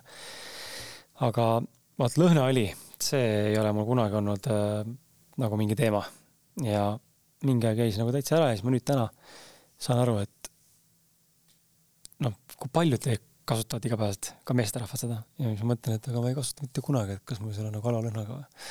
et äh, me lõhnastame ennast, et, et lõhnata siis teiste jaoks hästi. samal ajal mul on alati küsimus hakkab peas, et aga, aga nagu mida see nagu annab või milleks, kas see näitab mingi esinduslikkust või nagu professionaalset puhtust või kui mul on mingisugune Dolce Gabbana peal või et äh, ja nüüd, kui ma olen tundnud neid lõhnasid, see on sinu lause nüüd, siis oi kui raske on olla selles lõhna sees, isegi kui seal on üks inimene ruumis, rääkimata ilumaailmasse minekust, see on üldse nagu katastroof. aga just see, kui ma tunnen kedagi, kes kallistan kedagi või surun kellelegi kätt, kellel on lõhnaõli peal, no see niidab seda on väga raske nagu vastu võtta, seda lõhnaõli sellisel viisil, et mina nii harjumatu on seda lõhna nagu tunda, seda intensiivset lõhna ja kunstlikku nagu lõhna. ja teine asi, mis ma näen sarnases nagu kontekstis on äh, heli helitugevus, mhm. et äh, ma ütlen ausalt, ma käisin viimati kinos. no ma pakun mingi seitse-kuus aastat tagasi, pole käinud lihtsalt. ja, ja siis nüüd äh, tähendab, seitse-kuus aastat tagasi käisin kinos ja nüüd siis eelmine aasta tänu PÖFF äh, koostööle pidin minema ühele üritusele, kus siis oli tutvustus, mingi asi kinos. oi kui kõvasti see kino oli seal ja ma tundsin, et ma ei suuda seal olla ja mul on nagu valus. vanasti ma kaifisin mm. -hmm. ja see on ka nagu see koht jälle, kus sa keha nagu adapteerub nende normaalsete helinõnetega või tugevustega ja ilmselgelt kino on nagu üle võlli kõvasti, noh, et anda sulle see efekt, eks ole, see võimekus, see kogemus on ju, mis on tore. aga kui sa harjud ära teistmoodi, siis noh, need nii-öelda tavaasjad tunduvad nagu väga sellised, et vot, kuidas inimesed suudavad. ja, ja see on nagu huvitav, huvitav teema tegelikult. ja siia veel lisada juurde see, et need, kes kasutavadki rohket lõhna ja on paarisuhetes näiteks siis tegelikkuses see suhe on saanud alguse sellest lõhnast mm.. ja kui sa ühel hetkel vahetad lõhna või võtad lõhnaõli üldse ära, siis see võib mõjutada, jah, see võib mõjutada ka paari suhet, sest me tegelikult ju oleme äh, ikkagi tajude baasil inimestega mm -hmm. koos ka. et see on ka võib-olla mõttekoht, et mida ja kui palju me tarvitame. trikk, mida ma saan soovitada, äh, ma ise ei ole kusjuures kordagi katsetanud ja ma ei tea, miks mingi sihuke nagu, mitte ebaosk, aga ikkagi jälle, ma arvan, et see harjumust lähen, võtan selle pulga, kui vaja, vaja, vaja on. aga elukaaslane mul, kui tal, et tal higistama ei hakkaks, ta paneb soodat kanna alla endale ja see aitab, sest ta ei ole nagu kunagi ei tunne, et ta haiseks või mingit jama on, noh muidugi naisterahvad ilmselt lõhnavadki võib-olla vähem ka nende lõhnade poolest, mis on eba, eba, ebameeldivad lõhnad, aga võib-olla, võib-olla ta on ka keskmisest tervislikum naisterahvas toitumise mõttes ja üleüldse ei kasuta muid asju ka, mis oleks kuidagi nagu loodusevastane justkui või nagu loomavastane. aga jah, tema soovitus on olnud soodat kasutada. sooda on väga õige soovitus. aga miks, mis ta neutraliseerib või mis see sooda nagu oma olemuses teeb seal? sooda neutraliseeribki mm -hmm. higilõhna ja tihti nendes samades loodusdeodorantides ongi üks komponent sooda. mõni kasutab tärklist mm -hmm. noh, lisaks erinevatele. aga see määrib ju, selles mõttes, et kui ma panen lihtsalt puhtalt soodat, siis ta määrib mul ju. sa segad ta veega ära näiteks mm, okay. või paned otse märga kaenlaalusesse, siis ta imendub eriti kiiresti mm. -hmm et seda võib täiesti katsetada ja teine asi, mida võib katsetada, on tsitruselised, näiteks sidruniviil või laimiviil. hõõrudki, lõikad omale sidrunitüki, siis hõõrud puhta kaenlaaluse selle sidruniga ära ja siis viskad selle viilu minema. oota, kas see on mega hea mõte, see on jumala lõhn ka ju. nii hea laim ja sidrun. see on hea mõte äkki ma hakkan seda katsetama hoopis ah.. no muidugi hakka ja siis anna meile teada, kuidas läks. teeme eraldi podcast'i sees, kuidas läks Krisil kaena alla määrimisel. aga see on see, mis inimesi huvitab. ei no loomulikult arusaadav, noh, et ja teinekord ongi see, et ise ei taha katsetada, aga tahaks kuulda ja kui sa kuulmise pealt mingit tõestust, siis okei okay,, ma proovin. just. jah, eks see niimoodi see mõjutamine käib ähm,. okei okay., tuleme ravimtaimede maailma korraks. tuleme ja, ja just see pool, et me rääkisime enne küll natukene taimedest ka, eks ole, kuulama keha ja taimed räägivad sinuga edasi. ja me rääkisime nende haiguste ravimisest ja nii edasi, aga millised võiks olla, okei okay,, sa mainisid küll mõningaid salatilisi ka, aga mis, mida veel seal ravimitaime maailmas kaasa võtta, mis on veel selline, mis võiks igale kogu kuidagi igapäevases kasutuses olla või midagi nagu praktik-, praktikasse viia, et kuidas olla nagu tervislikum ja, ja ühtpidi, kas siis, ma ei tea, olgu ta siis seotud kas meie enda tervisega, toidulauaga veel kord, või kodustes tingimustes, äh, ma ei tea, panna midagi sinna mingi lõhnastajaks, eks ole, või et mida, miks, kuidas seda ravimtaimemaailma veel ära kasutada? no ravimtaimed on üks põhjus ka, miks kogu Maivistiku kollektsioon on ju ravimtaimedega koos mm. -hmm. võiks ju panna lihtsalt head õlid purki või, või head vahad. aga sa ei pea ravimtaimi alati teena sisse jooma, et nad toimiks kui nad on su nahahoolduses, juba töötab, kui nad on su küünla sees näiteks, juba töötab, samamoodi eeterlik õli, eks. ta on sul vaikselt kuskil lambi sees seal küünla peal, sa isegi ei saa aru, et ta toimetab, aga tegelikult võib-olla juba toetab su immuunsüsteemi, onju. Mhm. ja, ja, ja kui sul on ka näiteks äh, vanaks jäänud ravimtaimi, noh, tavaliselt ravimtaimed kestavad ühe hooaja. sa võid neid hiljem ka kasutada, aga nende toime ei ole enam nii tugev ehk siis äh, ei tasu kindlasti ära visata, aga sa võid kasutada näiteks jalavannis või, või tavalises vannis, on ju äh, või tossutad, panedki otsast natukene põlema, kui sul on äh, mõni suurem ravimtaim, mida annab tossutada, eks, ruumi puhastamiseks. või, või samamoodi näiteks lõhnastamiseks, kellele murulõhn sobib, on ju, loodus sobib, siis sellele sobib ka see variant. või panna näiteks padja sisse lavendlit, kummelit, kellel on uinumisega probleeme ravimtaimede maailm sellepärast ongi hästi põnev, et sa ei pea ainult sisse sööma neid mm, -hmm. sa võid ennast ümbritseda taimedega ja nad juba töötavad. kõik need omadused tegelikult on olemas. aga kui võib-olla mõelda, mis kõigil võiks kodus olla, siis kindlasti kummel on üks, mis käis ka läbi, sest kummel sobib ka lastele. Äh, angervaks, sest angervaks on looduslik aspiriin. minul kodus isegi peavalutabletti pole, kui on mingisugune peavalu, siis kõik, kellel on vaja, saavad angervaksa teed. enamasti nad ei ole väga õnnelikud, sest kui sul ikkagi midagi valutab, siis sa tahaksid kohe lahendust. aga ikkagi see lahendus tuleb umbes kahekümne minutiga ja siis tuleks teha ikkagi selline tugev tõmmis, et lasedki sellel teel siis seal koos taimedega olla viisteist, kakskümmend minutit. kui me teeme joogiteed, siis viiest minutist piisab, aga kui me tahame ravi, siis tuleb ikkagi kauem teda hoida ja võib-olla suvel ringi sõites on silma jäänud ka sellised suured äh, lillad põõsad tee äärtes, siis põdrakanep on äh, selle taime nimi ja tema võiks ka kindlasti kodus olla. Äh, rahvasuu jälle ütleb, et peaaegu üheksakümne üheksa tõve eest aitab, surm on siis sajas, on ju, et seda ta ära ei hoia. Aga, aga kui sul on need kaks taime, näiteks angervaks ja, ja põdrakanep, siis sul on ka meesenergia ja naisenergia tasakaalus, sest angervaks on naiste taim, kõik naiste hädad eh, aitab korda saada ja põdrakanep on siis meeste taim, et kõik meeste probleemid siis aitab korda saada, eks. et juba selle põhjal, kui sul on kummel, angervaks ja põdrakanep kodus, sul on hästi. tegelikult onju mm -hmm.. kui me nüüd tahame minna sügavamale, noh, siis tegelikult oleneb ka see, et kas sulle kõik taimed sobivad, kas sinule meeldivad, sest on inimesi, kes kummelit ei talu silma otsaski aga siin on alati ka see psühhosomaatiline pool, et kui sulle midagi hästi meeldib, siis seal on mingi sõnum ja kui sulle midagi üldse ei meeldi, siis seal on ka sõnum mm. -hmm. et tihti just see kummeli teema näiteks, kui sulle kummel üldse ei meeldi, siis see on puhas lapsevanema armastus, eks. et võib-olla sul on seal midagi, mis oleks tegelikult vaja ära lahendada, mis sind häirib, onju. ja siis järsku hakkab kummel meeldima. või angervaksa puhul on see, et minule ka aastaid tagasi angervaks oli üks lemmiktee praegu ma isegi ei hooli tast enam. et ideaalne on see, et kui sa jõuad taimega nagu neutraalsesse seisusesse, et sul ei ole seda, et sa teda vihkad või sa teda armastad, vaid sa võid teda juua, aga mm -hmm. sul ei ole emotsiooni. aga siis, kui ta mulle väga meeldis, siis eh, ta aitaski nii-öelda intuitsiooni toetada.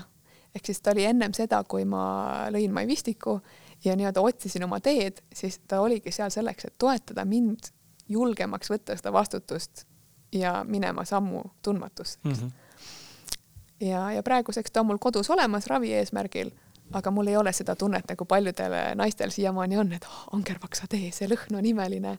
ongi, aga minu jaoks ta on töö ära teinud, eks mm. -hmm. et niimoodi tasuks iga taime vaadata, mis sul kodus on, kas ta kõnetab sind, mis emotsioon sul tekib ja, ja tihti, kui sa ei tea, mis teed juua, siis pane lihtsalt silmad kinni, lase kätega üle nende topsikute, mis sul kodus on ja kuula siis oma keha, vaata, kas sa oled saanud selle kontakti. ta tihti ütleb sulle, et vot see topsik. kummikommi tee Re. Red Bulli tee eks ole. see müüks. see kindlasti müüks. see raudselt müüks äh,. okei okay, äh,, tuleme jooga juurde, sa korra mainisid joogat ka siin mm. -hmm. Äh, ma ei mõtle siis näojoogat, vaid üleüldist äh, keha, kehajoogat. et äh, jooga on sinu elus olnud koh olulisel kohal ja küsimus oleks võib-olla selle ümber, et kuidas sa oled kogenud, kas äh, sul isiklikult või inimeste kogemusest, kellega sa oled siis koos teinud või keda sa oled siis juhendanud, kui palju võiks joogast abi olla stressi ja äh, ärevuse ja, ja depressiooni puhul? Ja, ja millist joogastiili äh, oleks võib-olla kõige optimaalsem kasutada, ma mõistan, et joogad on oma stiililt natukene erinevad ja erinevate eesmärkide puhul ka, ma ise olen kokku puutunud ainult Ashtangaga.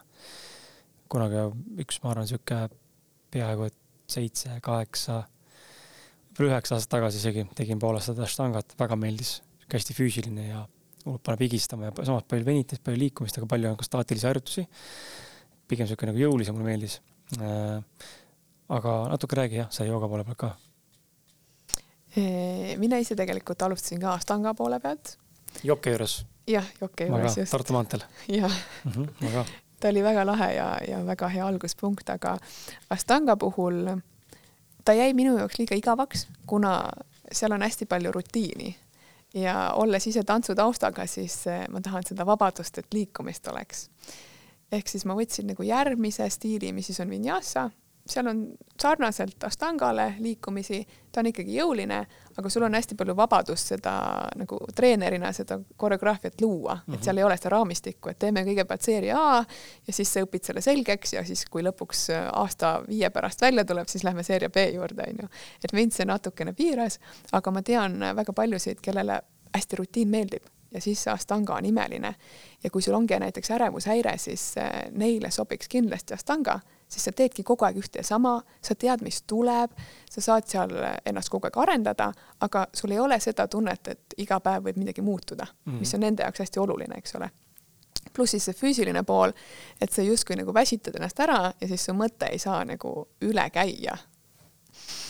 aga kui vaadata üldse seda maailma, siis ähm, me, me oleme tegelikult ju mehelikus maailmas ja, ja nii huvitav, kui see ka pole, siis jooga on ju ka meeste poolt loodud siis äh, ma arvan, et alustuseks kõigile, kes tahaks joogaga tutvust teha, tegelikult sobibki see Astanga või Vinyasa, just see füüsiline pool, et teeme seda füüsilist liikumist ja siis me saame selle mõtteselguse.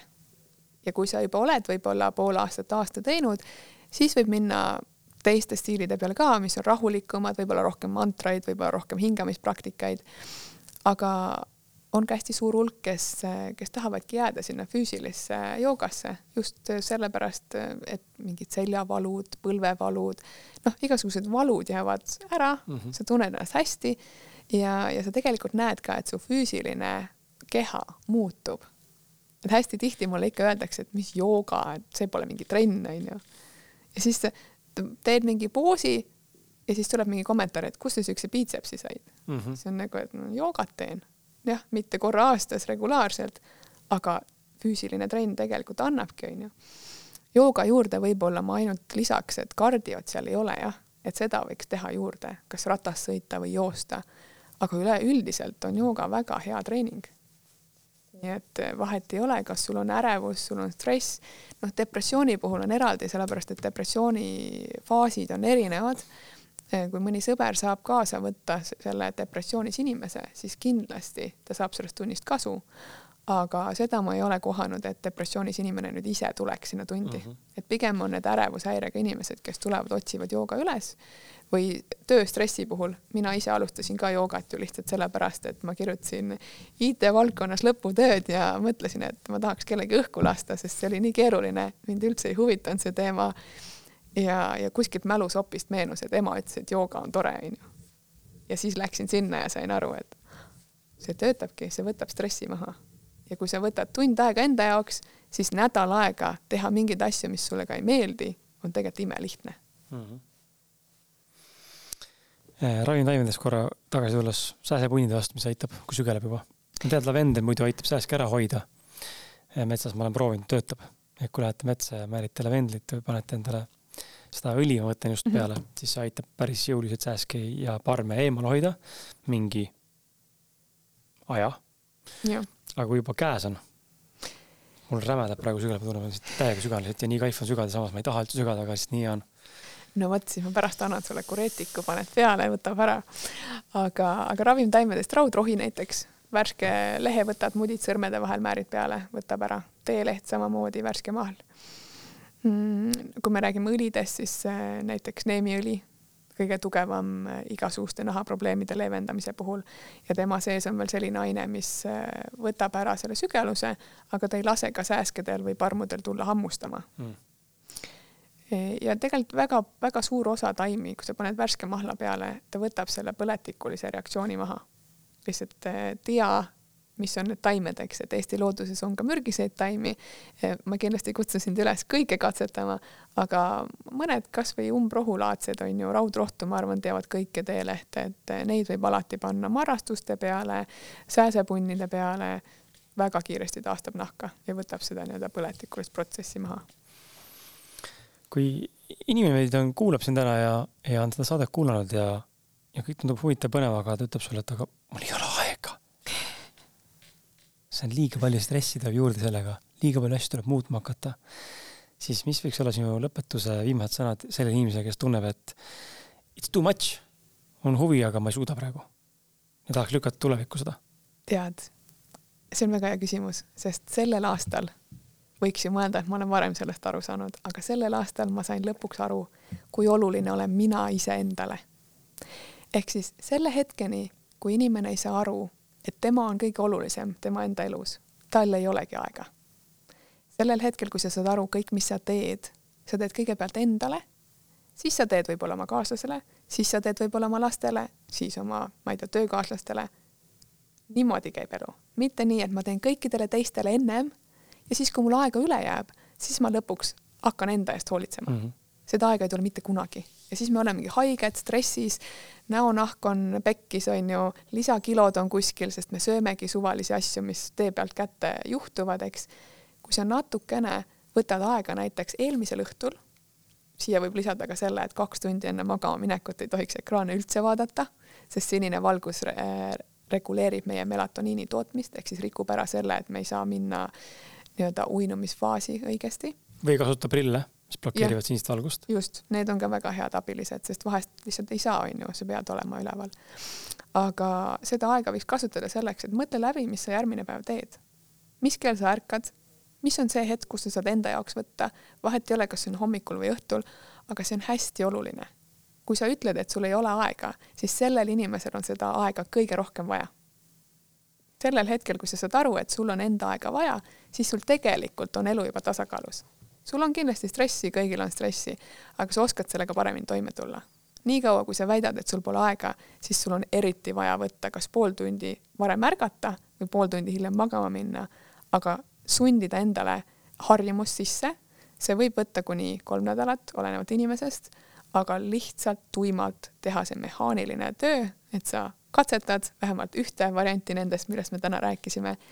Ja, ja ülejäänud tulevad ajapikku kaasa mm. -hmm. kindlasti ei tähenda see seda, et äh, hakka nüüd äh, marjul käima, ravimtaimi kasutama, näojoogat tegema, kõike korraga, siis mitte keegi ei tee. võta üks asi korraga, poole aasta pärast lisa midagi muud juurde, võib-olla siis aasta pärast jätad lõhnaõlid ära, eks. see on pikk teekond ja, ja see on okei okay libastuda vahepeal, aga oluline on see, et sa teed neid väikseid samme sama-sammult. just.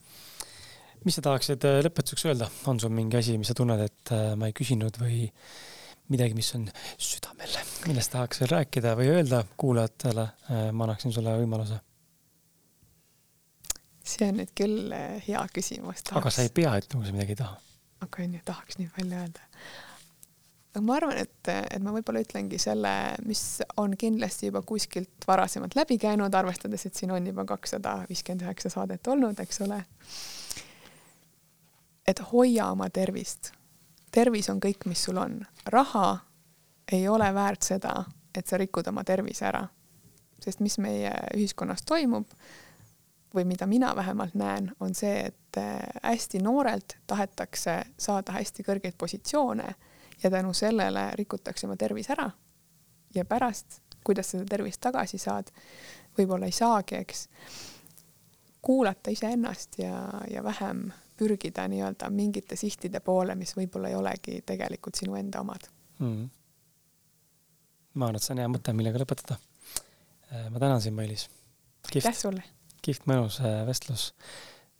suht äh, nii, nagu ma ennustasin, nii et läheb poolteist tundi umbes ähm, aitäh ka sulle, hea kuulaja, kes meiega siin vastu pidas ja ära kuulas ja ma tõesti loodan, et see oli huvitav ja tõesti loodan, et sa siit mõningaid äh, häid praktilisi nõuandeid erinevatest võimalustest ja kategooriatest valdkondadest kasutama hakkad või vähemalt proovid ja annad võimaluse.